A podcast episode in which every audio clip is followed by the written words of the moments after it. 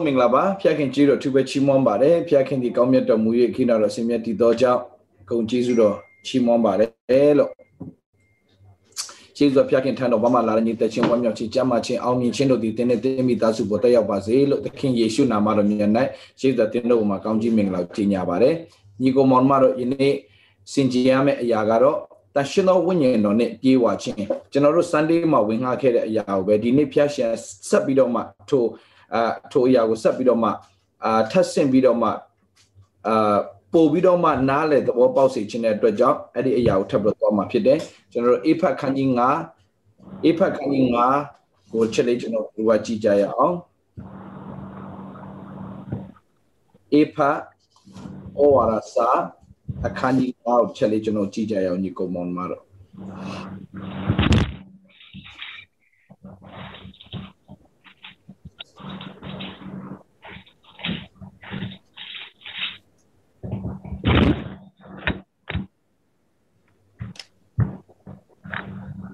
ကျွန်တော်ဟိုဆက်ပေးရကတာမပိတ်ထားဘူးပါလေ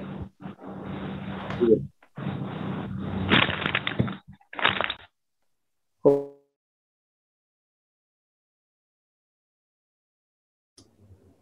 โอเค thank you ပါအဖအစခန်းကြီးငါအငယ်15ကနေငါငယ်15နေတော့မှကျွန်တော်တို့တစ်ချက်လေးပြန်ပြီးကြည့်ကြရအောင်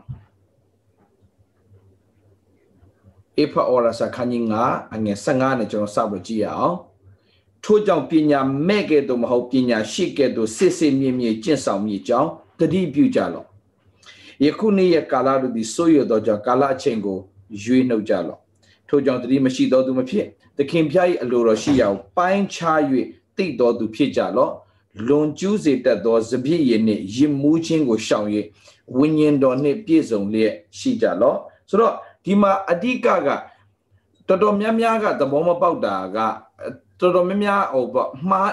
ဘယ်လိုခေါ်မှားတယ်လို့မပြောချင်ဘူးဒါပေမဲ့အာထင်နေတဲ့အရာတခုကတက်အာစပြည့်နေရင်မူးခြင်းကိုရှောင်ရတန်ရှင်တော်ဝိညာဉ်တော်နဲ့ပြေးဝလဲနေကြလို့လို့ပြောတဲ့အခါမှာဆိုတော့ငါအလာတန်ရှင်တော်ဝိညာဉ်တော်နဲ့ပြေးဝဖို့ဝိုင်းမတော့ရဘူးအရက်မတော့ရဘူးဆိုတော့အဲ့ဒါလည်းမှန်ပါတယ် ဒါပေမဲ့ဝိုင်းမတော့အရက်မတော့တိုင်းဝိညာဉ်တော်နဲ့ပြေးလာတော့မဟုတ်ပါဘူးဆိုပြောချင်တာဝိုင်းတို့အရက်တို့တောက်ရင်ဘာဖြစ်လဲဆိုတော့ခန္ဓာကိုယ်တစ်ခုလုံးကိုသူက control လုပ်ပလိုက်တယ်ဘာပေါ်လာမသိ control လုပ်ပလိုက်တယ်ဆို तू တွေးခြင်းတဲ့ပုံစံမျိုး तू မတွေးတော့ဘူးမူးလာပြီဆိုရင်အတွေးခေါ်ကပြောင်းလာတယ်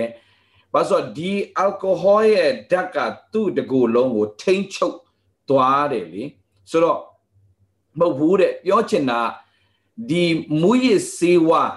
မူရစ်စေဝါကခန္ဓာကိုယ်တစ်ခုလုံးကို သူ့ရဲ့အတွေးခေါ်သူ့ရဲ့အမြင်သူ့ရဲ့အတွေးသားသူ့ရဲ့အာစိတ်နေစိတ်ထားအားလုံးကို ပြောင်းလဲသွားနိုင်အောင် control လုပ်တယ်လို့တန်ရှင်သောဝိညာဉ်တော်က control လုပ်တဲ့အတ္တတာဖြစ်ပါစေလို့ပြောတာအဓိကတေချာမှတ်ထားပေးပါဝိညာဉ်တော်နဲ့ပြေဝခြင်းဆိုတာဟလာဝိညာဉ်တော်နဲ့ ဝိညာဉ်တော်နဲ့ဟလာပြည့်စုံလျက်ရှိကြလို့ပြည့်စုံခြင်း fail ဆိုတဲ့အဓိပ္ပာယ်က fail ဆိုတဲ့အဓိပ္ပာယ် control ဒီနေ့ကျွန်တော်ပြောပြချင်တာဟလာကျွန်တော်တက်တာမှာဘယ်အရာတွေဖြည့်ထားမလဲဘယ်အရာနဲ့ဖြည့်တာကိုဖခင်နှစ်သက်လဲဆိုတော့ဝိညာဉ်တော်နဲ့ပြည့်နေတဲ့အတ္တတာကိုဖခင်ကနှစ်သက်တဲ့ဖခင်ရှင်ဖြစ်တယ်ဆိုတော့ဝိညာဉ်တော်နဲ့ပြေဝဖို့ရန်အတွက်ကကျွန်တော်တို့ရဲ့တာဝန်ဖြစ်တယ် အဲ့ဒါမှတ်ထားပေးပါယုံကြည်သူရဲ့တာဝန်ကတန်ရှင်သောဝိညာဉ်တော်နဲ့ပြေဝဖို့ကတန်ဟလာဖျားတာဝန်မဟုတ်တော့ဘူးယုံကြည်သူရဲ့တာဝန်ဖြစ်သွားပြီโอเคဆိုတော့တန်ရှင်သောဝိညာဉ်တော်ကိုဖျားကျွန်တော်တို့ပေးထားပြီးသားဘာအတွက်ပေးတာလဲကျွန်တော်တို့ရဲ့ဟလာ helper အနေနဲ့ကျွန်တော်တို့ကူညီဖို့မာစာဖို့ကျွန်တော်မတက်နိုင်တဲ့အရာတွေအားလုံးကိုမကြမ်းစာထဲမှာဗျာ ကျွန်တော်တို့ခိုင်းထားတဲ့အရာတွေအများကြီးရှိတယ်ဟုတ်လားတန်ရှင်သောအတ္တတာနဲ့အသက်ရှင် be holy as i am holy တန်ငါတန်ရှင်ခြင်းရှိတဲ့ကဲ့သို့မင်းတို့တန်ရှင်ဖယားတန်ရှင်ခြင်းရှိတဲ့ကဲ့သို့ဖဖျားတန်ရှင်းခြင်းရှိတဲ့ကဲ့သို့မင်းတို့တန်ရှင်းရမယ်လို့ပြောတဲ့ခါမှာဖျားလောက်ဘသူကတန်ရှင်းနိုင်မှာလဲဆိုတဲ့မိကွန်းထွက်တယ်ဟုတ်ပြီနော်ဆိုတော့မိအဖြေပြန်ဖြေမယ်ဖျားကဲ့သို့တန်ရှင်းနိုင်တယ်ဖျားဝိညာဉ်ရှိရင်ဆိုတာ ဖျားပြန်ပြောတာဖျားကဲ့သို့တန်ရှင်းနိုင်လားတန်ရှင်းနိုင်တာပေါ့ဘာဖြစ်လဲဖျားရဲ့ဝိညာဉ်တော်ရဲ့မဆခြင်းအပြင်လာလုံနိုင်လားလုံနိုင်ပါတယ်ခင်ဗျတရားရခိုင်တော့လုံနိုင်တယ်โอเคဆိုတော့မကြည့်ရအောင်အမမတဲဝယ်တစ်ချက်လေးခဏလေးကြည့်ရအောင်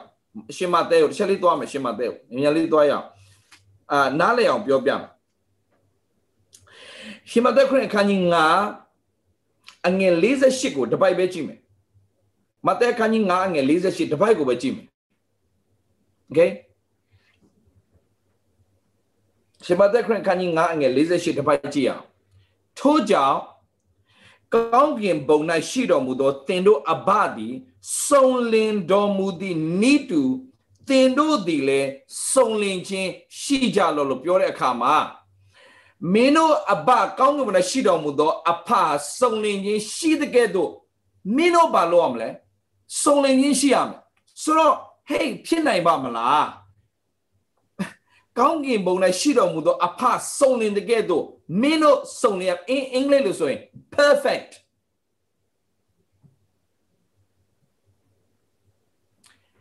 be perfect as your heavenly father perfect ကောင်းကင်ဘုံ၌ရှိတော်မူသောအဖ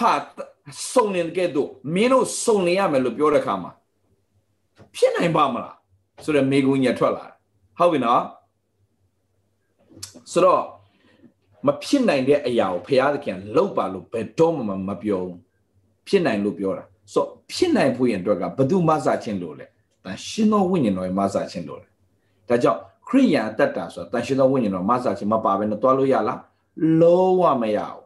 ပြန်ပြောမယ်လုံးဝမရဘူးဒါဆိုရင်ခရိယန်တတ္တအောင်မြင်စွာအသက်ရှင်နိုင်ဖို့ဘယ်သူရဲ့မဆခြင်းလို့လဲတန်ရှင်သောဝိညာဉ်တော်ရဲ့မဆခြင်းလို့ကိုလို့တယ်တန်ရှင်သောဝိညာဉ်တော်မဆခြင်းပါလာရင်ကျွန်တော်တတ်တာကဘုရားသခင်ပြင်ဆင်ထားတဲ့ level ထိရောက်အောင်ကျွန်တော်သွားကိုသွားနိုင်တဲ့အတ္တဖြစ်လာတာ။ Okay ဆိုတော့အဲ့ဒါလေးနားလည်စေချင်တယ်ဆိုတော့ဒါရှင်တော်ဝိညာဉ်တော်ဘုရားရဲ့မဆာခြင်းအင်မတန်မှလိုလိုလိုအပ်တယ်ဆိုတော့လုံကျူးစေတဲ့သောစပိစပိနဲ့ရေမျိုးကိုရှောင်ရင်ရေမူးခြင်းကိုရှောင်ရင်ဝိညာဉ်တော်နဲ့ပြည့်စုံလဲနေကြလို့ပြောချင်တာပါလားစပိရေတို့ရေမူးခြင်းတို့ကလူကို control လုပ်တဲ့ကဲ့သို့တရှင်တော်ဝိညာဉ်တော်က control လုပ်ပါစေလို့ပြောတာဟုတ်ပြီနော်ဆိုတော့တနည်းအားဖြင့်ပြောမယ်ဆိုလောကအရာကမင်းကို control မလုပ်ပါစေနဲ့ နားလည်အောင်လို့ तू ကစပြည့်နဲ့နှိုင်းပြတာနားလည်အောင်လို့အရက်နဲ့နှိုင်းပြတာနားနားလည်အောင်လို့မူရစ်စေတဲ့အရာနဲ့နှိုင်းပြတာတကယ်တော့လောကအရာကမင်းကို control မလုပ်ပါစေနဲ့ဘယ်အရာကမင်းကို control လုပ်နေလဲဒါရှင်တော်ဝိညာဉ်တော်ကတားလဲမင်းကိုဥဆောင်သွားတဲ့အတ္တဖြစ်ပါစေလို့ပြောနေတာဖြစ်တယ် okay ဆိုတော့တန်ရှင်တော်ဝိညာဉ်တော်နဲ့ပြေဝတဲ့အတ္တမဖြစ်ရင်ဘာဖြစ်မလဲတဲ့မှတ်ထားညီကောင်မောင်မတို့တန်ရှင်တော်ဝိညာဉ်တော်ကတင့်ရဲ့ပါလားမကြည့်ကျွန်တော်ပြပြမယ်တစ်ကောချက်လေးတွားရအောင်တစ်ကော တစ်ကောမြန်မြန်လေးတွားရအောင်တစ်ကောခန်းကြီး6ကိုတစ်ချက်လေးကြည့်အောင်တစ်ကောခန်းကြီး6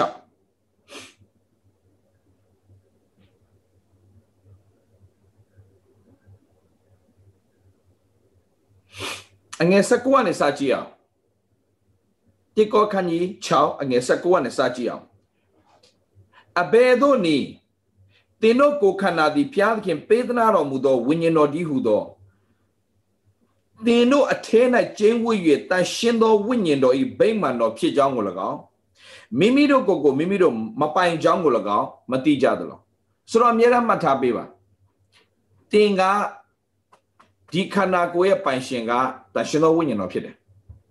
โอเคနော်တန်ရှင်သောဝိညာဉ်တော်ကတန်ရှင်သောဝိညာဉ်တော်ကျင်းဝတ်တဲ့ဗိမာန်တော်ဖြစ်တဲ့အတွက်ကြောင့်တ င့်ကိုတင်တင်ပိုင်တယ်လို့မျိုးတင်လှုပ်ချင်တာရှောက်လို့လို့ရလားမရဆိုတန်ရှင်သောဝိညာဉ်တော်ကဖရာသခင်ရဲ့ဟလာဒီခန္ဓာကိုယ်ကကျွန်တော်တို့ရဲ့ကျင်းဝတ်ရဖရာရဲ့ဗိမာန်တော်လို့ပြောတာဆိုတော့တန်ရှင်သောဝိညာဉ်တော်ရဲ့ဗိမာန်တော်ဖြစ်တယ်ဒီရှနာထောင်ပေးတန်ရှင်သောဝိညာဉ်တော်ရဲ့ဗိမာန်တော်ဖြစ်တဲ့အတွက်ကြောင့်တဲ့တန်ရှင်သောဝိညာဉ်တော်ကိုနေရာပေးတတ်သောသူတွေဖြစ်ဖို့အရန်ရည်ကြည့်တယ်တဲ့ ဆိုတော့မကြည့် ဒါနဲ့နှိုင်းရှင်ပြီးတော့ကျွန်တော်ပြမယ်လုကာခန်းကြီး7အငယ်24ကိုကြည့်အောင်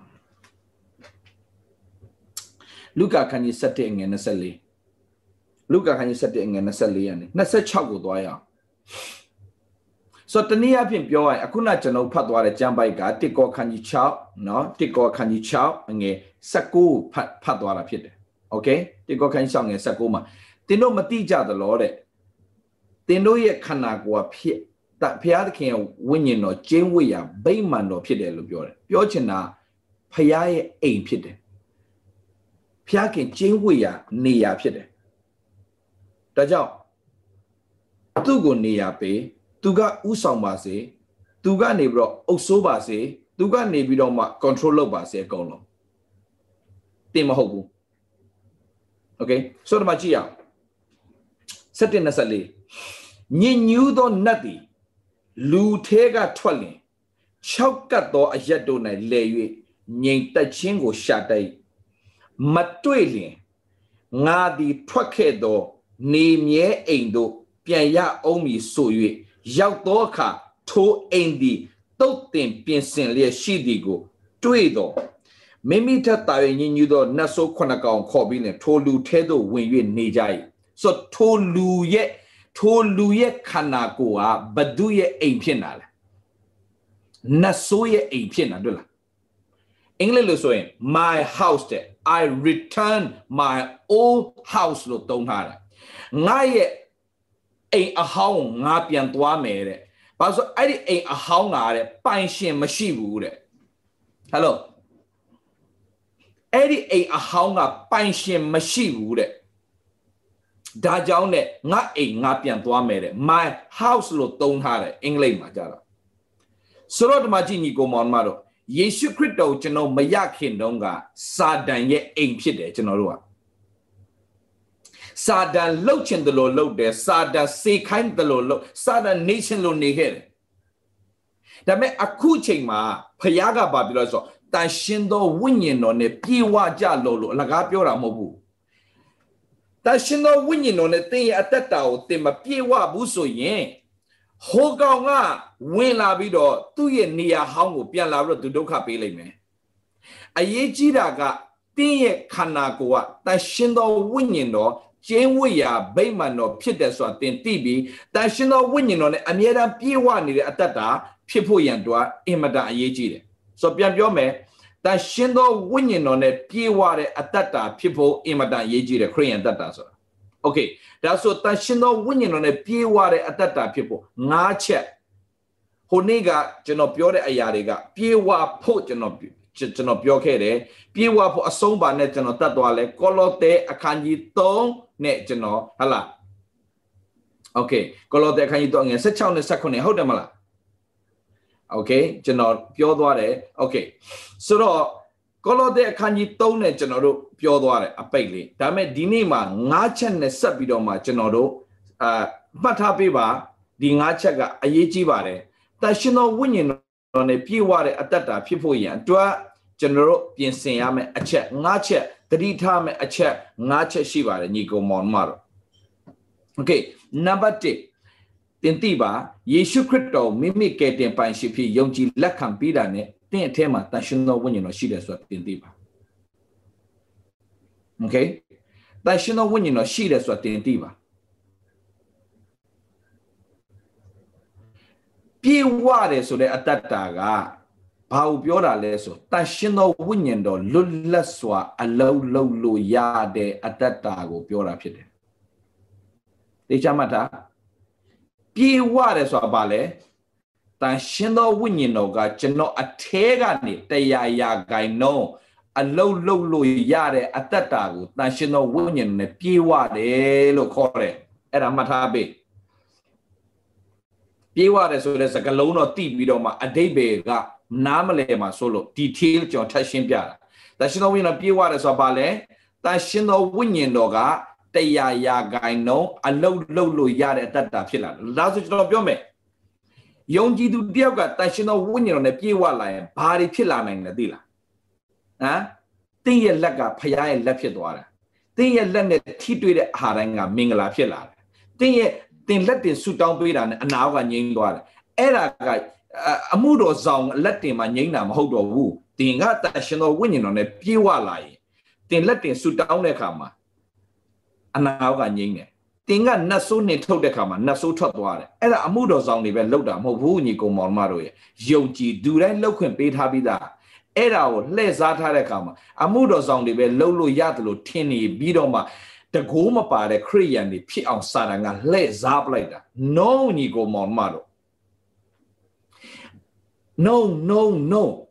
ယုံကြည်သူတိုင်းဒါကြောင့်မာကုခန်းကြီး16ကိုကျွန်တော်အမြဲတမ်းပြန်ပြန်ပြောတာချားမဟုတ် မာကုခန်းကြီး16မှာပြောတဲ့အရာပါလေယုံကြည်သူတိုင်းဖြစ်အပ်သောနမိတ်လက္ခဏာဟူမူကငါ၏နာမကိုအမိပြုရဲ့နတ်ဆိုးတို့ကိုနင်ထုတ်ကြလက်တအစိတ်တောက်တောက်ဆက်လက်ဘေးဥပနဲ့ကင်းလို့ကြလက်တပြောချင်တာသူများသူများကိုကိုဟလာဟိုဟိုဟိုပြုစားလို့မရဘူးအဲ့ဒါကိုပြောနေတာโอเคပြီးတော့မှအခြားသောဘာသာစကားကိုပြောကြလက်တန့်ဆိုတာဘာပြောရလဲဆိုတဲ့အခါမှာ သူများသူများတွေမကြံစီသူများတွေမတွေးနိုင်တဲ့သူများတွေနားမလည်နိုင်တဲ့ဇကာတနည်းအားဖြင့်ပြောမယ်ဆိုဖျားရှင်ထံတော်ဘာမှလာတော့ထူးဆန်းသောဇကာတနည်းအားဖြင့်ပြောမယ်ဆိုရင်အာဖျားရဲ့ဖွင့်ပြခြင်းနေနဲ့ပြောသွားသောဇကားတွေဖျားသခင်ကအဲ့ဒီအချိန်မှာအဲ့ဒီနေရာမှာအဲ့ဒီလူတွေလိုအပ်တဲ့အရာကို ဖျားသခင်လိုတဲ့အချိန်မှာပြောခိုင်းတဲ့စကားအဲ့ဒါတွေကတကယ်ထူးခြားသောစကားတွေဖြစ်တယ်โอเคနောက်တစ်ခုကဘာလဲဆိုတဲ့အခါမှာမကြမ်းမတော့သူလက်တင်ဆုတောင်းပြီးတော့ချမ်းသာပေးဆိုတော့အဲ့ဒါအမှုတော်ဆောင်တွေပဲမဟုတ်ဘူး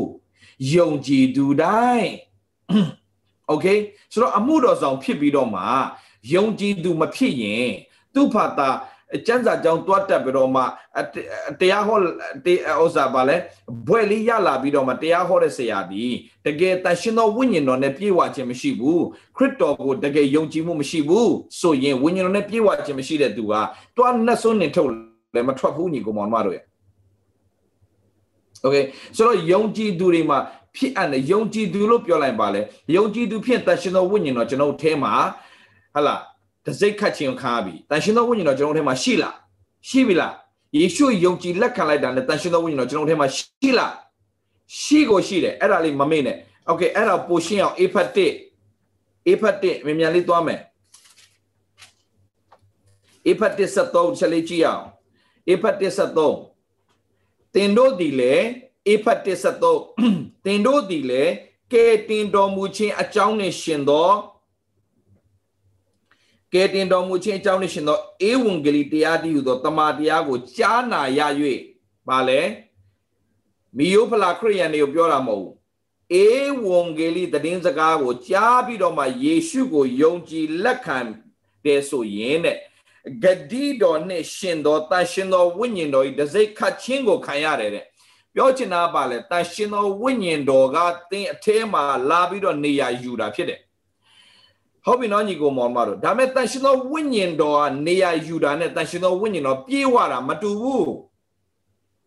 ယေရှုခရစ်တော်ကိုမိမိကယ်တင်ပါရှင်ယုံကြည်လက်ခံလိုက်ရင်တန်ရှင်သောဝိညာဉ်တော်အားဖြင့်တန်ရှင်သောဝိညာဉ်တော်တင်အထဲမှာလာပြီးတော့မှနေရာယူတော့တင်တင်တင်ဒီထာဝရအသက်ကိုရတော့သူဖြစ်တယ်ဆိုတော့ဘုရားသခင်ကအတိမပြုတ်တယ်တန်ရှင်သောဝိညာဉ်တော်လာရောက်နေရာယူတယ် ဒါပေမဲ့ခရိယန်တယောက်ဖြင့်တန်ရှင်တော်ဝိညာဉ်တော်နေရာယူပေမဲ့တန်ရှင်တော်ဝိညာဉ်တော်ပြေဝတဲ့အတ္တတာဖြစ်ဖို့ရန်အတွက်ကတော့ဘာလိုလာလဲဆိုရင်ဒီငါးချက်လိုလာတယ်ဝိညာဉ်တော်ဖခင်ကကျွန်တော်တို့အဲမှာကျင်းဝတ်ပြီဆိုရင်နံပါတ်1အနေနဲ့ဘာသိရမလဲဆိုတော့ တရှင်သောဝိညာဉ်တော်ရဲ့စကားကိုနားထောင်တတ်သောသူတနည်းအားဖြင့်နားထောင်လို့ပြောတဲ့အခါမှာဒီနားထောင်တာမဟုတ်ဘူး obedience နာခံရမယ်နာခံတတ်သောအတ္တတာဖြစ်ရမယ်တခါတလေမှသင်ဖြစ်ဖူးလားမသိဘူးဇာတိစိတ်ကတခုလှုပ်ချင်တယ်ဝိညာဉ်တော်ကတခုနှိုးဆော်နေတယ်အထဲကနေပြီးတော့မှဟုတ်တယ်ငါသွားဆူတောင်းပေးလိုက်ရင်ကောင်းမယ် ဒါမဲ့တစ်ဖက်ကလည်းပြင်းတယ်တစ်ဖက်ကလည်းအရာပြင်းတယ်အဝေးကြီးသွားရမယ်အချိန်ကုန်မယ်လူပင်ပန်းမယ်ဒါပေမဲ့ဖခင်ကအထက်ကနေနှိုးဆော်နေပြီးသွားဆုတောင်းပေးသွားဆုတောင်းပေးလိုက်ဖះအယံနိုးစော်နေပြီဒါပေမဲ့ကိုကလည်းအယံပြင်းတယ်မသွားချင်နေရလည်းအယံပူတယ်ချစ်ချစ်တော့ပူတော့အပြင်မထွက်ချင်ဘူးအယံပူနေတယ်ဒါပေမဲ့ဖះလည်းသွားသွားမယ်ဟာလည်း၄မိုင်လောက်ဝေးနေတယ် ကိုကလည်းပဲဆိုင်ကယ်နဲ့စီးပြီးတော့သွားရမယ်အိုးနေပူကျဲတဲ့မှာအိုဆိုင်ကယ်အုတ်ထုတ်ဆောင်းမယ်ဆိုင်ကယ်သွားမယ်နေရာလဲပူလိုက်တာဖះတခင်နေအေးမှသွားမယ်ဖះလဲဝิญဉ်တော့အရန်နိုးစော်တယ်မဟုတ်ဘူးအခုချက်ချင်းသွားဆုတော့အဲ့ဒါကိုတင်နာခံတတ်ရင်ဝิญဉ်တော်ကတင့်အထဲမှာအရန်အလုတ်လုတ်လို့ရလားဥမာကျွန်တော်ပြောပြမယ်ဝิญဉ်တော်ခိုင်ချက်ချင်းထလုတ်တဲ့သူတွေဖြစ်ဖို့အရန်ရေးကြည့်တယ်โอเคအဲ့တော့ကျွန်တော်ပြောတာအဲ့တော့တနည်းအားဖြင့် အတွင်းထဲကနေဝิญဉ်တော်ရဲ့နှိုးစော်တဲ့အတန်ဝิญဉ်ထဲကနှိုးစော်တဲ့အတန်ခါလေးမှာအရာဆူတောင်းချင်လာတယ်ဒါပေမဲ့မနက်အရာဆူတောင်းချင်မနက်၄နာရီကွယ်ထလက်နိုးတယ်ကွယ်อืมဆိုလက်နိုးတော့ကြည့်လိုက်တော့မနက်၄နာရီอืมအထဲမှာအရာဆူတောင်းဖို့ဖះနိုးစော်နေတယ်၄နာရီနော်6နိုင်တော့ပြန်စားပြင်းတယ် ဆိုဘာဖြစ်လဲဆိုအထဲမှာအယားနိုးစော်နေပြီဒါပေမဲ့ဆူတောင်းမယ်မဆူတောင်းဟိုလက်ဒီလက်နဲ့ no no no no ဖျားသခင်ဝိညာဉ်တော်ကနိုးစော်လာရဲ့ချက်ချင်းထားလုပ်ခြင်းကနာခံခြင်းလို့ခေါ်တယ်ဝိညာဉ်တော်နဲ့ပြေဝတဲ့အတ္တဖြစ်ဖို့နံပါတ်1နာခံခြင်းရှိပါအထဲကနေဖျားအယံနိုးစော်လို့ဖျားကပေးဆိုရင်ချက်ချင်းသွားပြီးတော့ဟလာဟလာလိုအပ်နေတဲ့ ဒုတိယကိုချက်ချင်းပတ်စံပေးခိုင်းချက်ချင်းကိုမှရှိတဲ့ပတ်စံလေးသွားပေးလိုက်ပါနဲသည်ဖြစ်စေများသည်ဖြစ်စေနာခံခြင်းရှိပါအဲ့ဒီနာခံခြင်းအပေါ်မှာဖခင်ကအံ့ဩဖွယ်ရအလုံးလုံးတဲ့ဖခင်ရှင်ဖြစ်တယ်ဟုတ်ပြီနော်ကျွန်တော်ပြောပြမယ်ဆိုတော့ဝိညာဉ်တော်ပြေဝခြင်းတတ်တာရဖို့ဘာလို့လဲနံပါတ်1တန်ရှင်တော်ဝိညာဉ်တော်ရဲ့နှိုးဆော်ခြင်းကိုနာခံတတ်တော်သူဖြစ်ပါစေဥမာကျွန်တော်ပြောပြမယ်ဥမာကျွန်တော်ပြောပြမယ်အာမတဲက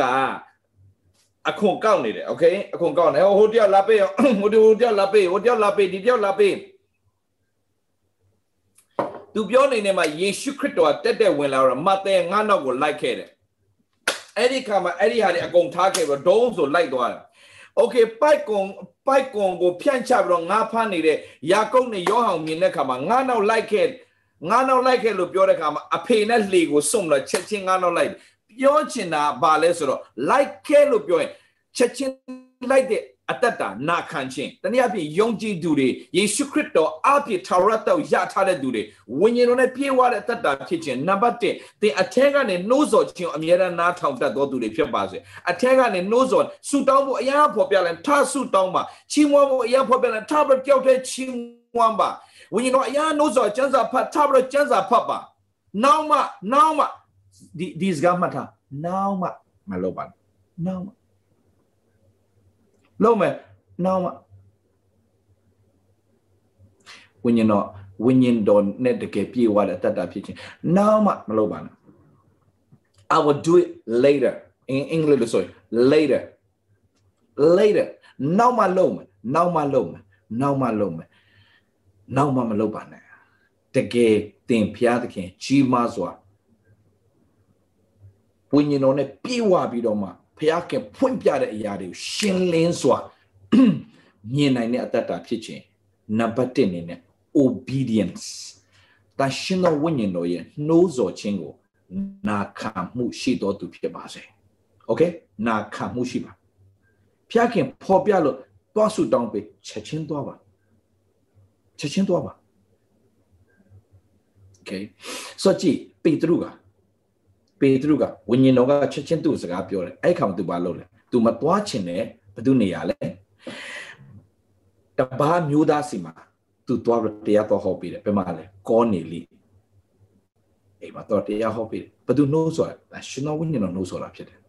โอเคဝိညာဉ်တော်နှိုးဆိုချက်ချင်းထားလုပ်ပြီးထားလုပ်တဲ့အတ္တတာမျိုးဘုရားကအရန်သုံးတယ်ဆိုတော့နံပါတ်1 obedience နာခံမှုရှိပါဝိညာဉ်တော်နှိုးဆိုလိုက်ထားဆူတောင်းဆိုချက်ချင်းထားဆူတောင်းကျန်စာဖတ်ဆိုချက်ချင်းကျန်စာဖတ်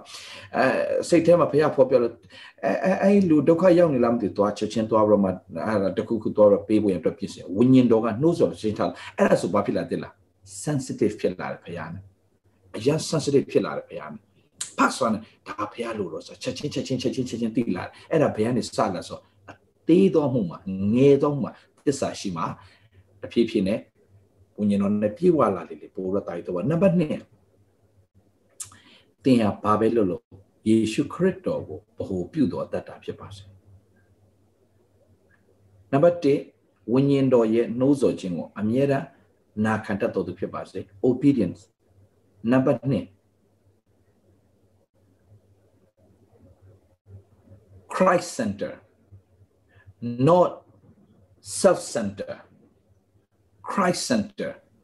ခရစ်တော်ကိုဗဟုပြုတဲ့အတ္တဖြစ်ပါစေဘာပဲလှုပ်လှုပ်ခရစ်တော်ကိုဗဟုပြုတဲ့အတ္တဘာကိုပြောတာလဲဒီစကားကိုဒီနေရာမှာခရစ်တော်ဆိုရင် तू အဲ့လိုပြောပါမလားမပြောရင်ငါလည်းမပြောမိမတယောက်ခဲနဲ့တမျိုးလုံးကဝိုင်းပေါက်ဖို့ကြံစီတဲ့အချိန်မှာယေရှုကအဲ့ဒီမိမတယောက်လူအများစုကဝိုင်းပြီးတော့မှထွီးလို့လုပ်ရင်ကိုကလည်းရောပြီးတော့မှ အများအဲ့လိုပြောတယ်ဆိုတော့ဟုတ်မှာပဲဆိုထွီးလို့လုပ်ပြီမဲ့ယေရှုကလုပ်လားမလုပ်ဘူးခင်ဗျယေရှုကသူ့ဘက်မှာယက်တီပေးခဲ့တယ်ဆိုတော့တွေ့ရအော်ဆိုတော့ယေရှုခရစ်တော်ဆိုရင်ဒီကိစ္စကိုသူဘယ်လိုဖြေရှင်းမလဲသူဒီလိုဖြေရှင်းလားလူလိုဖြေရှင်းမလားဖះလိုဖြေရှင်းလားသူဖះလိုဖြေရှင်းတယ်ဒါဆိုရင်ငါလည်းဖះသခင်ယေရှုခရစ်တော် ဘယ်လိုလုပ်တယ်လဲယေရှုဘယ်လိုပြောလဲယေရှုဘယ်လိုအသက်ရှင်လဲယေရှုဘယ်လိုဆုံးဖြတ်ချက်ချလဲယေရှုဘယ်လိုဟလာယက်တီသွားလဲအဲ့ဒီတိုင်းငါယက်တီမယ်ဆိုတဲ့အတ္တတာခရစ်တော်ကိုဗဟုပြုတဲ့အတ္တတာဖြစ်ဖြစ်ရမယ်။တင်းရဲ့ son တင်းရဲ့ champion တင်းရဲ့ son ထားတော့သူကခရစ်တော်ပဲဖြစ်ရမယ်။ Okay တင်းဘာပဲဖြစ်ဖြစ်သူတို့တောင်လှုပ်သေးတာပဲသူတို့တောင်လှုပ်သေးတာပဲ ဒါကြောင့်ငါလည်းလှုပ်တယ်သူတို့လှုပ်တာတက်ခရစ်တော်လှုပ်လားခရစ်တော်အဲ့လိုပြောလားခရစ်တော်အဲ့လိုအသက်ရှင်လားအသက်မရှိတယ်နဲ့အသက်မရှိတယ်အဲ့တိုင်းတင်အသက်ရှင်ဒါကြောင့်ကျွန်တော်ဆရာကျွန်တော်ရဲ့ဝิญဉ်အေးရမှာဆရာတယောက်ဖြစ်တဲ့ကျွန်တော်ညီကိုဘာဆရာဘာပြောဘူးလဲဆိုတော့ if you want to be a champion learn from the champion မင်း champion ဖြစ်ခြင်း champion စီမှာပဲသင်ယူတယ် champion ကဘာတူလဲယေရှုပဲ သင်ယူပါတယ်ဆိုတော့နံပါတ်1ခရစ်တော်ဘ ਹੁ ပြုတဲ့တတ်တာဖြစ်ပါစေနံပါတ်3နှုတ်ကပတ်တော်ကိုအခြေခံပြီးတော့မှဆုံးဖြတ်ချက်ချတတ်တော်သူဖြစ်ပါစေနှုတ်ကပတ်တော်ကိုအခြေခံပြီးဆုံးဖြတ်ချက်ချတော်သူဖြစ်ပါစေအဲ့ဒါနံပါတ်3ဘာပဲဆုံးဖြတ်ဆုံးဖြတ်နှုတ်ကပတ်တော်တိုင်းဆုံးဖြတ်တဲ့အတ္တတာဖြစ်ရမယ် နံပါတ်3ပါလားနှုတ်ကပတ်တော်နဲ့ဆုံးဖြတ်တဲ့အတ္တနှုတ်ကပတ်တော်နဲ့ဆုံးဖြတ်ချက်ချသွားတဲ့အသက်တာโอเคသူတို့ကဒီလိုလှုပ်လိုက်ပါလားဟိုလိုလှုပ်လိုက်ပါလားနှုတ်ကပတ်တော်ကပြောတယ်နှုတ်ကပတ်တော်ကပြောတယ်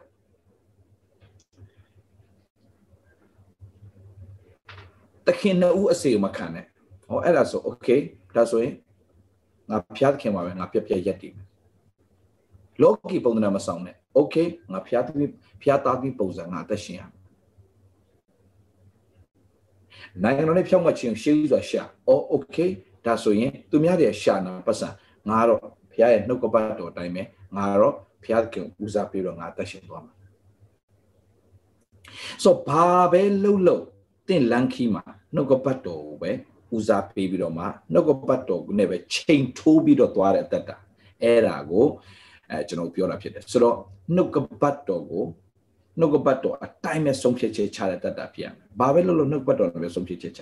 ။နှုတ်ကပတ်တော်တွေမှာပါလား။နှုတ်ကပတ်တော်ဒီလိုပြောလား။နှုတ်ကပတ်တော်ဒီလိုမျိုးဝန်ခံလား။ Okay ဒါဆိုငါအဲ့တန်သွားမယ်။နှုတ်ကပတ်တော်ဘာပြောလဲ။အဲ့တိုင်းပဲငါသက်ရှင်မယ်။နံပါတ်3อ่ะနံပါတ်4 ယုံကြည်သူများနဲ့တကယ်တန်ရှင်းသောဝိညာဉ်တနည်းကျွန်တော်တေချာနာထောင်လေးတရှင်သောဝိညာဉ်တော်ကိုနေရာပေးသောယုံကြည်သူများနဲ့မိတ္တဟာများများဖွဲ့ပါ fellowship with believers မထာညီကိုမောင်မတော် တရှင်သောဝိညာဉ်တော်ရဲ့ဥဆောင်မှုနဲ့မတော်တဲ့ခရိယန်တွေနဲ့တင်မပေါင်းပါနဲ့လောကသားနဲ့ဘာမှမထူးဒါကျွန်တော်ညီကိုမောင်မတွေကိုကျွန်တော်ဘာပြောပြချင်လဲဆိုတော့တန်ရှင်သောဝိညာဉ်တော်တကယ်အားကိုးပါဗျာဘာလို့တိလာညီကိုမောင်မတော့ကျွန်တော်ပြောမယ်တင်းခွန်အားနဲ့တင်းအရက်ဖြက်တင်းဖြက်လို့မရစေအောင်ဒါပေမဲ့တင်းအရက်တောက်နေရင်းနဲ့ အရက်တောက်နေရင်းနဲ့ကျွန်တော်စကားအကုန်ပြောမယ်အရက်တောက်နေနဲ့တန်ရှင်သောဝိညာဉ်တော်ဖျားကျွန်တော်အရက်ဖြတ်ပေးပါလို့ရိုးရိုးလေးပြောကြည့်အချိန်တိုင်းချက်ချင်းမဟုတ်ဘူးဒါမဲ့တင်ဆူတောင်းပြီးတင်ဝိညာဉ်တော်အားကိုးပြီးတင်စိတ်ချအချိန်တိုင်းလုံးဝပြတ်လိမ့်မယ်ကျွန်တော်ဒီအကျင့်ဇိုးတဲ့နဲ့ထွက်ချင်ပြီးတန်ရှင်တော်ဝိညာဉ်တော်မဆပါလို့ပြောပြီးတော့တန်ရှင်တော်ဝိညာဉ်တော်အားကိုးကြည့်မကြခင်မှာအဲ့ဒီအကျင့်ဇိုးကနေတင်လွတ်မြောက်တဲ့အခွင့်ကိုရကိုရတယ် တန်ရှင်တော်ဝိညာဉ်တော်ကတကယ်တင်ကိုကိုကိုမာတယ်ဒါကြောင့်တန်ရှင်တော်ဝိညာဉ်တော်အာမကိုပဲနဲ့ကိုဖတ်တာအာကိုနေတဲ့ခရိယန်တွေကငါဖတ်တာငါစူးစမ်းလို့အကောင်းဆုံးအသက်ရှင်မယ် no you have totally depend on holy spirit တန်ရှင်တော်ဝိညာဉ်တော်အပေါ်မှာတရားရာဂိုင်နှုံးစိတ်ချအားကိုးတော်သူတွေဖြစ်ပါစေတရားရာဂိုင်နှုံး totally depend on holy spirit not depend on your own understanding depend on holy spirit ဒါရှင်တော်ဝိညာဉ်တော်ပေါ်မှာလုံးဝပြတ်ပြတ်ရက်တည်တဲ့တတ်တာဖြစ်ရမယ် no ငါရဲ့တတ်တာဝိညာဉ်တော်ပြုပြင်သွားလိမ့်မယ်ဒါရှင်တော်ဝိညာဉ်တော်ငါ့ကို master သွားလိမ့်မယ်ဒါရှင်တော်ဝိညာဉ်တော်ငါ့ကိုဆွဲခေါ်သွားလိမ့်မယ်ဒါရှင်တော်ဝိညာဉ်တော်ပြုပြင်သွားလိမ့်မယ်ဒါရှင်တော်ဝိညာဉ်တော်ငါရဲ့တတ်တာတနေ့ပြီးတနေ့ပြည့်စုံခြင်းနဲ့ဆွဲခေါ်သွားလိမ့်မယ်ငါဒီလိုပုံစံနဲ့ဘယ်တော့မှအသက်ရှင်မှာမဟုတ်တဖြည်းဖြည်းတိုးတက်သွားမှာဆိုငါသိတယ်ဘာလို့ဆိုတော့ရှင်တော်ဝိညာဉ်တော်ငါအားကိုးတယ် အဲ့ဒီလိုတန်ရှင်သောဝိညာဉ်တော်အားကိုးတဲ့ယုံကြည်သူတွေနဲ့များများပေါင်းပါတနည်းအားဖြင့်ပြောရင် fellowship ဒါကြောင့်ကျွန်တော်က follow up program လုပ်တယ်ဆိုတာတကယ်အချင်းချင်းနှုတ်ကပတ်တော်နဲ့တိဆောက်ပြီးဝိညာဉ်တော်များများအားကိုးတဲ့ယုံကြည်သူတွေအချင်းချင်းမိတ္တဟာယပြန်ဖွဲ့ပြီးဝိညာဉ်တော်ဝိညာဉ်ရမှာတိုးပွားစေချင်တာဘာကြောင့်လဲဆိုတော့တင်ဘလောက်ပဲတပတ်တစ်ခါဖျားကြောင်းသွားတက်စံစာတင်တန်းတက်ပြီးတော့ပြန်လာပြီးတင်လောကသားနဲ့ပဲတင်ပေါင်းဖော်သွားနေရင်တင်ရဲ့ဝိညာဉ်ရတိုးတက်မှုအင်မတန်နေတယ်ဆရာကျွန်တော်လဲဆူတောင်းတာပဲဆရာဒါပေမဲ့ဒီအတိုင်းဝိုင်းရအရေးကြီးတာလေ ဒီမှာဘုရားကျောင်းကနှစ်နိုင်သုံးနိုင်ပဲလာတက်တယ်ကျန်တဲ့တန်ဝိုင်းကလောကတန်ဝိုင်းထဲမှာတင်နေတဲ့အခါဆဲဆိုချိန်မောက်ဆဲဟိုးအမျိုးစုံမှာဟာလာဟိုတယောက်ကတယောက်ကြော်ခွတ်တက်ဟိုအဲ့လိုမျိုးအနိုင်ထက်စီးနေအော်အကုန်ကုန်ကုန်လောကကြီးကဟိုခွတ်ခွတ်ကြအကုန်မဲအကုန်မဲထိတ်ထိတ်ပေါ်ဘာလဲဂျင်ပေါ်ထိတ်ထုံဘာလဲမသိထားထားโอเคအမျိုးစုံရှိโอเคကျွန်တော်မပြောတတ်တော့ကျောင်းကြီးကိုမောင်တော့ကျွန်တော်ဆိုလိုတော့ကောင်းသိလိမ့်မယ်โอเค ကရုံးကထိတ်ကွအာဘာညာကုကွာဘောကွာအဲထားလိုက်ဘာလဲမသိဟုတ်လားမသိကရုံးကရုံးကထိတ်ကွလုံးမမရတာโอเคထားထားထားထားလိုက်โอเคထားလိုက်ကျွန်တော်ပြောတာသဘောပေါက်မလားလောကကြီးကမြေနှိမ့်ရလှန်ဆိုင်ခြင်းနဲ့အဲပြီးတော့မှဘာအမျိုးစုံပေါ့ကွာအဲ့လိုတွေရှိတယ်ဒါပေမဲ့ညီကိုမောင်မတို့ကျွန်တော်ပြောပြ ဒီလောကကြီးထဲမှာတင်ရှိနေပြီးတော့မှတင်လောကသားတွေနဲ့ပဲတင်ဆိုလောကသားတွေနဲ့တော့တင်မတွေ့ရမှာဘူးလောကသားနဲ့တင်တွေ့ရမှာသို့တော့တင်ကမိတ္တဟာယကဘသူနဲ့များများဖွဲ့ရမလဲဆိုတော့ယုံကြည်သူများနဲ့များများမိတ္တာဖွဲ့ဖို့အင်မတန်အရေးကြီးတာအသင်းတော်ဆိုတဲ့အဓိပ္ပာယ်ကမိတ္တာဖွဲ့ဖို့ဗျ အတင်းတော်ရဲ့အတိတ်ကမိတ္တာဖွဲ့ဖို့ဒါမိတ္တာဖွဲ့ဆိုမိတ္တဟာယလို့ပြောလိုက်နှုတ်ကပတ်တော်နဲ့မိတ္တာဖွဲ့ခြင်းဖြစ်ရမယ်။ဟိုเจ้าဒီเจ้าရှောက်ပြောတာမဟုတ်ဘူး။ဟိုလူเจ้าဒီလူเจ้าလာပြောတာမဟုတ်အခုကဘုရားเจ้าလာရင်ဟိုလူเจ้าဒီဒီလူเจ้าပြောပြီးတဲ့အခါကျတော့မှတရားဟောဆရာစတရားဟောမှာโอเคခဏလေးရက်တရားဟောတရားဟောတော့မယ်ဟိုဆရာကြည့်ကြည့်နေခဏလေးရက်ဘုရားအစီအစဉ်ပြီးမှပြန်ဟောမယ်အစီအစဉ်ပြန်ဟောမှာမဟုတ်အစီအစဉ်ပြီးမှပြန်ပြောမယ်ဘာလဲအတင်း no no no no no အတင်းပြောတာခဏလေးရက်တရားနာထောင်နေပြီးအတင်းပဲပြန်ပြောတယ်ဘာမှထူးညင်အဲ့ဒီမိတ္တဟာယကိုပြောတာမဟုတ်ဘူးညီကောင်မောင်တော့မိတ္တဟာယဆိုတာကတယောက်တစ်ယောက်ပြောတဲ့စကားတဲ့နှုတ်ကပတ်တော်ပဲဖြစ်ရမယ်တယောက်တစ်ယောက်ခွန်အားပေးတာနှုတ်ကပတ်တော်နဲ့ဖြစ်ရမယ်တယောက်တစ်ယောက်ဆွဲထူတာနှုတ်ကပတ်တော်နဲ့ဖြစ်ရမယ်ကိုညံနဲ့မို့အဲ့ဒီမိတ္တဟာယလိုတယ်တဲ့โอเคဆိုတော့နံပါတ်၄ကပါလဲဆိုတော့ဝိညာဉ်တော်နဲ့သွားလာသောယုံကြည်သူတွေနဲ့မိတ္တဟာယများများဖွဲ့သောသူတွေဖြစ်ပါစေ။ အဲ့ဒါကဝိညာဉ်တော်နဲ့ပြေဝဖို့ရန်အတွက်အချက်ထဲမှာအရေးကြီးတဲ့အချက်ပါတယ်။ Okay ပြီးတော့မှဘာဖြစ်လဲဆိုတော့မိမိရဲ့အတ္တတမိမိရဲ့မိမိရဲ့အတ္တတနှုတ်ကပတ်တော်ဘာပြောသင်တို့ဒီလောကအလင်းဖြစ်တယ်လို့ပြောတဲ့အခါမှာမိမိရဲ့အတ္တတကိုသူများကြည့်ပြီးတော့မှအားကျစရာဖြစ်ဖို့ရန်အတွက်နေ့ရက်စဉ်တိုင်းမှာတမာတတိရှိပြီးတော့မှ တမာတတိရှိပြီးတော့မှအမြဲတမ်းမိမိရဲ့အတ္တတာကိုအနှံပြီးတော့မှနေ့တိုင်းဖះနဲ့ personal relationship အခုနကပါလေအပြင်မှာသူများနဲ့မိတ္တာဖွဲ့တာဒါယုံကြည်သူအချင်းချင်းမိတ္တာဖွဲ့တာပြီးရင် personal time မှာကိုကဘယ်သူနဲ့မိတ္တာဖွဲ့ရလဲဖះနဲ့မိတ္တဟာယဖွဲ့ခြင်းအမှုကိုလုံးဝမရှောင်ပါဘူးဆိုတော့ဆိုတော့ယုံကြည်သူအချင်းချင်းမိတ္တာဖွဲ့တာလည်းအရေးကြီးလားအရေးကြီးလား အရေးကြီးတယ်โอเคနော်အရေးကြီးလားအရေးကြီးတယ်နော်ယုံကြည်သူအချင်းချင်းမိတ္တာဖွဲ့တာအရေးကြီးလားအရေးကြီးတယ်ဆိုတော့ယုံကြည်သူအချင်းချင်းပဲမိတ္တာဖွဲ့ပြီးတော့အိမ်ပြန်ရောက်လို့အခန်းထဲမှာတယောက်တည်းရောက်ရင်အဲ့ဒီချိန်မှာကိုကလည်းဖះနဲ့နှစ်ဦးချင်းအချိန်ပြန်ယူနိုင်တဲ့အတ္တတာဖြစ်ပါစေအဲ့ဒါကနောက်ဆုံး၅ချက်ဖြစ်တယ်ဆိုတော့ကျွန်တော်ပြန်ပြောမယ်နံပါတ်1တေချာမှတ်ထားပေးပါနံပါတ်1 နာခံတတ်တဲ့တတ္တာဖြစ်ပါစေ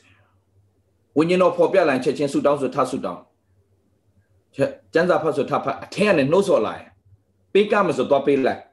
ကျွေးမွေးရမယ်လို့ဖော်ပြရင်တော့ကျွေးမွေးလိုက်မဆာမဆိုတော့မဆာလိုက်ဆူတောင်းပေးရမယ်ဆိုတော့ဆူတောင်းပေးလိုက်အေဝံဂေလိပြောအရင်နှုတ်ဆော်လိုက်အေဝံဂေလိတော့ပြောလိုက်အဲ့ဒါနာခံခြင်းနံပါတ်1နံပါတ်2ခရစ်တော်ကိုဗဟိုပြုတဲ့အတ္တတာဖြစ်ပါစေ ဘာပဲလုပ်လို့ခရစ်တော်ကဒီလိုပြောလာအဲ့ဒါဆိုငါလည်းပြောမယ်ခရစ်တော်မပြောဘူးဒါဆိုငါလည်းမပြောခရစ်တော်လူမကြောက်ဘူးပြက်ပြက်ပြောတယ်ငါလည်းပြက်ပြက်ပြောမယ်နှုတ်ကပတ်တော်ပြက်ပြက်ပြောတဲ့သူဖြစ်ရမယ်ငါပြောမယ်โอเคဒါပေမဲ့ခရစ်တော်ကဘသူ့ဘက်မှာရက်တည်လေအားနေတဲ့ဘက်မှာလားအားကြီးတဲ့ဘက်မှာလားအားနေတဲ့ဘက်မှာရက်တည်ဒါဆိုငါလည်းအားနေတဲ့ဘက်မှာငါရက်တည်မယ်ခရစ်တော်ဘဟိုပြုတဲ့အတ္တတာဖြစ်ပါစေโอเคနံပါတ်2နံပါတ်3 ဘာပဲဆုံးဖြတ်ဆုံးဖြတ်နှုတ်ကပတ်တော်နဲ့ဆုံးဖြတ်တဲ့အတ္တတာဖြစ်ပါစေကိုယ့်ဘာသာကိုစိတ်ထင်နဲ့ဆုံးဖြတ်တာမဟုတ်ဘဲနဲ့တခုခုအကြီးကြီးမားမားဆုံးဖြတ်ချက်ချတော့မယ်ဆိုရင်နှုတ်ကပတ်တော်နဲ့ပြန်အချိန်ယူပါနှုတ်ကပတ်တော်နဲ့ပြန်ချက်အလုံငိုင်းတစ်ခုကြီးကြီးမားမားဆုံးဖြတ်ချတော့ဆိုနှုတ်ကပတ်တော်တေချာပြန်ဖတ်ဆရာတွေကိုသွားမေးတာထက်ကိုကိုယ်တိုင်နှုတ်ကပတ်တော်နဲ့ပြန်ပြီးတော့မှကိုတော့ဖွင့်ပြပါဒါကြောင့်အစာရှောင်တာအစာရှောင်တယ်ဆိုတာဘာအတွက်လဲဆိုတော့ကျမ်းစာဖတ်ဖို့အချိန်ယူပလိုက်တာ ကျန်းစာဖတ်ဖို့အချိန်တော့ဆူတောင်းဒီဒီအစာစားဖို့အချိန်ကိုမေ့ပစ်လိုက်ပြီးတော့မှ၄နာရီလဲဟုတ်တယ်၁၀နာရီလဲဟုတ်တယ်တောက်လျှောက်ကျန်းစာဖတ်ပြီးအဲ့ထဲမှာအဖြေရှာတော့တာဆိုအစာရှောင်ရင်ဘာလုပ်ရလဲများများကျန်းစာဖတ်ရတယ်များများကျန်းစာဖတ်ဖို့အစာရှောင်တာ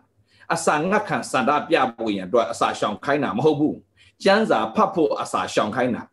ဆိုတော့ ဇာတိအစာမစားရင်ဝိညာဉ်အစာစားရမယ်ညီကိုမောင်မတို့ဝိညာဉ်အစာစားဖို့ဇာတိအစာကိုညင်းတာလေဆိုတော့10နာရီကျန်းစာဖတ်မယ်ဒီနေ့73နာရီငါကျန်းစာဖတ်မယ်15နာရီကျန်းစာဖတ်မယ်ကျန်တဲ့အချိန်ကငါဟလာအနားယူမယ် ပြန်ထမယ်ကျန်းစာဖတ်မယ်ဆူတောင်းမယ်ငါဒါပဲတောက်လျှောက်လုပ်မယ်ငါဝိညာဉ်ရတတ်တာမှာငါအယံပေါ့နေပြီငါဘာတာမှမကြားတတ်တော့ဘူးငါငါငါရှင်းလေးနဲ့ယူပါအောင်လည်းမရှိတော့ဘူးဒါဆိုတော့ငါနှုတ်ပတ်တော်နဲ့ပြန်သွားမယ်ဖွင့်ပြခြင်းနဲ့ငါပြန်ယူရမယ်အဲ့ဒီအတွက်အချိန်ပြန်ယူရတာဖြစ်တယ်ဆိုတော့နှုတ်ပတ်တော်နဲ့အချိန်ယူရင်နှုတ်ပတ်တော်ကဖွင့်ပြလာလိမ့်မယ်အဲ့ကြံကိုသိလာမယ်ဆိုတော့နံပါတ်3အနေနဲ့ဘာပဲဆုံးဖြတ်ဆုံးဖြတ်ဘာပဲလုပ်လို့နှုတ်ပတ်တော်ကိုဟာလာနှုတ်ပတ် တော်အတိုင်းနှုတ်ကပတ်တော်နဲ့ချိန်ထိုးပြီးတော့မှလှုပ်ဆောင်တဲ့အတ္တတာကိုစိတ်ထင်တိုင်းရှောက်လို့တာမဟုတ်နှုတ်ကပတ်တော်ပြောလို့နှုတ်ကပတ်တော်ဒီတိုင်းငါ့ကိုဟလာဖွင့်ပြလို့ငါဒီတိုင်းလုပ်တယ်ဆိုတာဖြစ်ရမယ်နံပါတ်3နံပါတ်4ယုံကြည်သူချင်းချင်းလို့ပြောလာတဲ့အခါမှာခရိယာချင်းချင်းလို့ကျွန်တော်မပြောဘူးโอเคခရိယာချင်းချင်းလို့ကျွန်တော်မပြောဘူးကိုကိုဝิญဉ်ရေးရအောင်တိုးတက်စေမဲ့သူနဲ့ပေါင်းပါကိုဝิญဝิญဉ်ရောက်ကြ sorry ကိုဝิญဉ်ရေးရအောင်ကြဆင်းစေမယ်ခရိယန်ချင်းတော့ခရိယန်ချင်းမယ်ဟိုဆရာအကြောင်းပြောဒီဆရာအကြောင်းပြောဟိုသင်းတော်အကြောင်းပြောဒီအသင်းတော်အကြောင်းပြောဟိုခိုင်းကနာအကြောင်းပြောဒီခိုင်းခိုင်းအကြောင်းဟိုဆရာမကောင်းဘူးဒီဆရာမကောင်းတကဘာလုံးအကြောင်းသူကုန်တိပြီးတော့မှအဲ့ဓာတွေပြောတာမျိုးမလုပ်ပါနဲ့အဲ့လိုလူမျိုးနဲ့လည်းတင်မပေါင်းပါနဲ့နောက်ကြရင်ကျွန်တော်ပြောပြမယ် သူများအကြောင်းတင့်ကိုလာပြောတဲ့သူနဲ့တင်ပေါင်းရင်မကြခင်မှာတင့်အကြောင်းကိုလည်းသူများကိုသူပြောတော့မကျင်းသေးတယ်လားတေချာမှတ်ထားပေးတေချာမှတ်ထားပေးသူများအကြောင်းကိုတင့်ကိုလာပြောတဲ့သူကမှတ်ထားတင့်အကြောင်းကိုအချိန်တိုင်ရင်သူများကိုသွားပြီးတော့ပြောမဲ့သူဧကံမိုးချတရားရာဂိုင်လုံးဖြစ်တယ်ဒါအဲ့လူနဲ့မပေါင်းပါနဲ့တင်ကောင်းနေတဲ့အချိန်တင့်ကြောင်းသူမပြောဘူး တင်တဲ့တစ်ချက်ကလေးဖတ်ဆိုပြီးတော့တစ်ချက်လေးအထင်လွဲသွားတာနဲ့ misunderstanding ဆိုတဲ့နားလည်မှုလွဲတာနဲ့တင့်မကောင်းကြောင်းသူစပြောတော့မယ်အဲ့လိုလူမျိုးနဲ့ပေါင်းရင်တင်ကြဖို့ပဲရှိတယ်တက်ဖို့လုံးဝမရှိဘူးကျွန်တော်ပြောနေတာကနံပါတ်၄ချက်ကယုံကြည်သူတနည်းအားဖြင့်ဝိညာဉ်တော်နဲ့မိတ္တဟာယဖွဲ့ပြီးနှုတ်ကပတ်တော်ပဲအခြေခံပြီးကြံတဲ့အကြောင်းမပြောပဲနှုတ်ကပတ်တော်နဲ့ပဲပြောတယ်သူချင်းချင်းမိတ္တဟာဖွဲ့ပါတ င့်ဝိညာဉ်ရတတ်တာတိုးကိုတိုးတက်ပြီးဝိညာဉ်တော်နဲ့ပြည့်ဝဖို့အရာမဲ့ဟလာအထောက်ကူပေးတဲ့အတ္တတွေဖြစ်လာလိမ့်မယ်နံပါတ်5ချက်ကတော့မိမိကိုယ်တိုင်ဖျားနဲ့အချိန်များများယူတဲ့အတ္တဖြစ်ပါစေမိမိကိုယ်တိုင်အချိန်ဖျားနဲ့များများယူတဲ့အတ္တဖြစ်ပါစေဒါအရေးကြီးဆုံးမညီကိုမောင်မတော်မိမိရဲ့24နာရီမှာဘယ်နှစ်နာရီဖျားနဲ့အချိန်ယူပါတယ်လဲ အဲ့ဒါအရေးကြီးတယ်ဆိုတော့ဒီ၅ချက်ကိုကိုယ်တိုင်ဖျားနဲ့မိသားဖွဲ့ပါကိုကိုယ်တိုင်ဖျားနဲ့အချိန်များသူနဲ့စကားပြောပါအခန္ဓာပိတ်ပါဘာသာရေးသမားကြီးလို့ဘာသာရေးပုံစံကြကြကြီးဆူတောင်းတာမဟုတ်ဘဲနဲ့ just relax ဖျားသခင်ကျေးဇူးတင်တယ်ဒီနေ့အသက်ရှင်ခွင့်ရတယ်ဒီနေ့ကျမ်းမာခွင့်ရတယ်စားနိုင်တယ်စားလို့လည်းကောင်းတယ် မြင်ရတယ်ကြားရတယ်ကျေးဇူးတင်တယ်ကိုတော့အလှုပ်ရှားနိုင်တယ်လက်ကိုချစ်တော်လှုပ်ရှားနိုင်တယ်အဲသုံးဆောင်ဖို့ပတ်စံလေးလည်းကိုတော့ပေးထားတယ်ကျေးဇူးတင်တယ်ကိုတော့โอเคဒီလက်တစ်ဖက်ကလှုပ်လို့မရပါမယ်နောက်တစ်ဖက်လှုပ်လို့ရတဲ့အတွက်ကြောင့်ကျေးဇူးတင်တယ်ဆရာဝန်ကြောက်ကမကောင်းဘူးလို့ပြောပေမဲ့အသေးတွေနှလုံးတွေ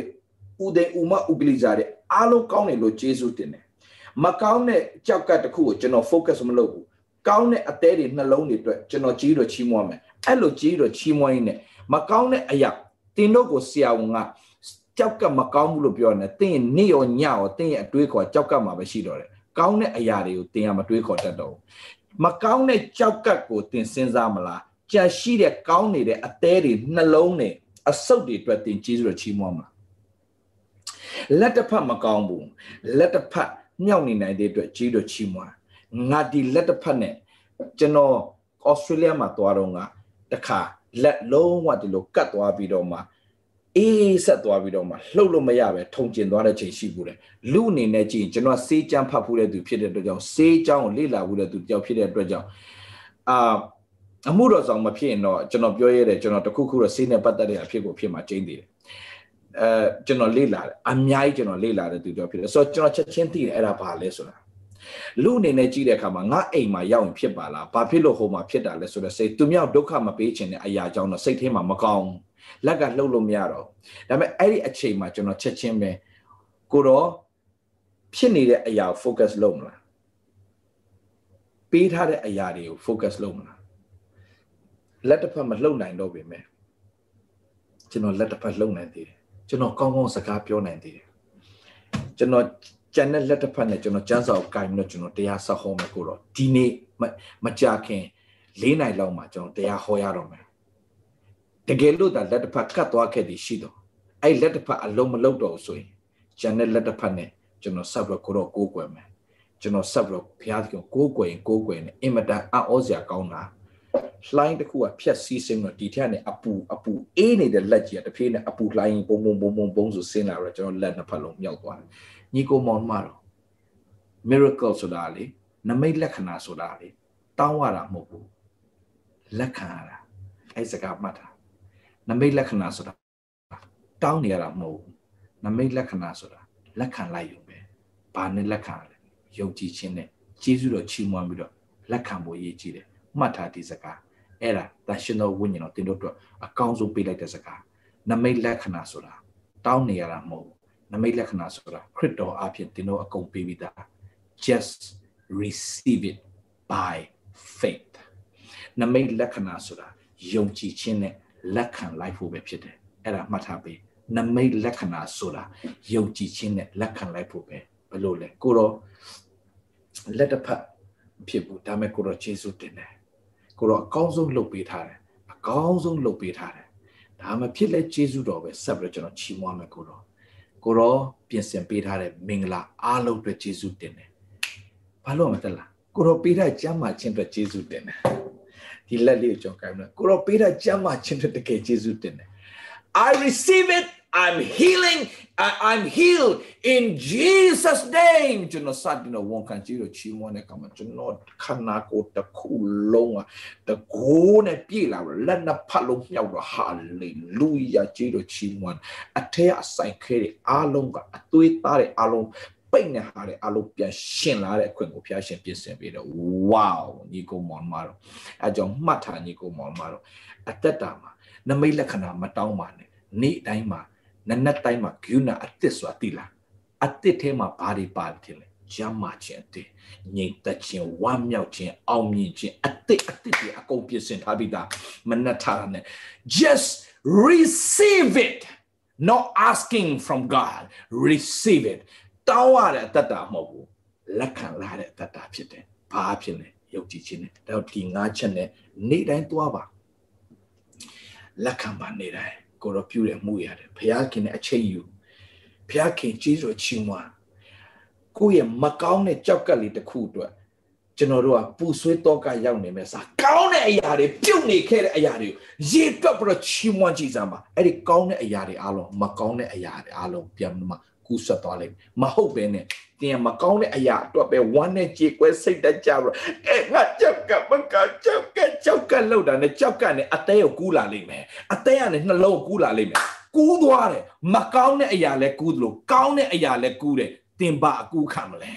ကောင်းတဲ့အရာကိုစတင်ပြီးတော့ကြီးတော့ချီးမွမ်းပြီးတော့မှအချိန်များများယူပြီးတော့မှကောင်းမြတ်ခြင်းတွေဝန်ခံမယ်ဆိုရင်တင်းရဲ့ခန္ဓာကိုယ်ထဲမှာရှိတဲ့အမင်္ဂလာတွေအားလုံးကမင်္ဂလာဖြစ်လာပြီးတော့မှတကိုးအထက်ကနေစီးထွက်လာတော့တင်ကိုယ်တိုင်ခံစားတဲ့ခွင့်ကိုဖျားရှင်ဖြစ်စဉ်ပေးလိမ့်မယ်ဒါကြောင့်ဝိညာဉ်တော်နဲ့ပြေဝတဲ့တတ်တာဖြစ်ဖို့ဒီငါးချက်လိုအပ်တယ်ဆိုတဲ့အကြောင်းလေးကျွန်တော်ပြောပြီးတော့အရောက်စီတဲ့ခွန်အားပေးခြင်းပါတယ်အရောက်စီတဲ့ပုံမှာဖျားသခင်ရဲ့ဝိညာဉ်တော်နဲ့ပြေဝတဲ့တတ်တာကို ရရှိကြပါစေခဏဆုတောင်းကြရအောင်ဖျားရှင်ကိုရောယေရှုတင်နေပါ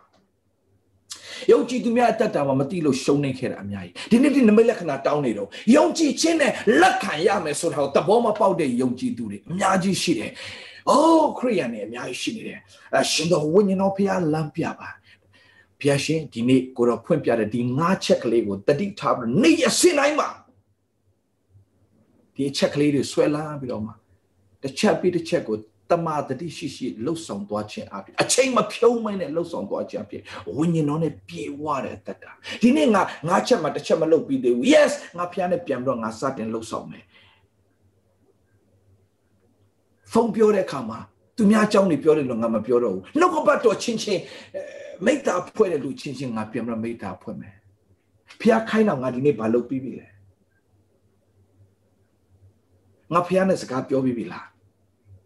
နှုတ်ကပတ်တော်နဲ့ငါရဲ့အတ္တတာအတွက်လာမယ့်အနာဂတ်အတွက်ဖွင့်ပြခြင်းနဲ့ငါရယူပြီလားနေ့တိုင်းမိကိုမြပြန်ဆန်းစစ်ပြီးသွားရင်ဝိညာဉ်တော်နဲ့ပြေဝလာပြီးအတ္တတာကတကယ့်ကိုအလင်းထွန်းလင်းတဲ့အတ္တတာဖြစ်လာမယ်ဆိုတာကိုဝိညာဉ်တော်အဖြစ်ဖွင့်ပြတော့ဒီနှုတ်ကပတ်တော်နားရှိတော်သူမိဒီကကြားပါစေတော်လို့ဝန်ခံလျက်လက်တွေ့လှုပ်ဆောင်တော်သူများဖြစ်ပါစေတော်လို့ဝန်ခံလျက်သခင်ယေရှုဖျားနာမနဲ့ဆုတောင်းကောင်းကြီးပေးလိုက်ပါတယ် အဖထာဝရမြတ်စွာသောဘုရားသခင်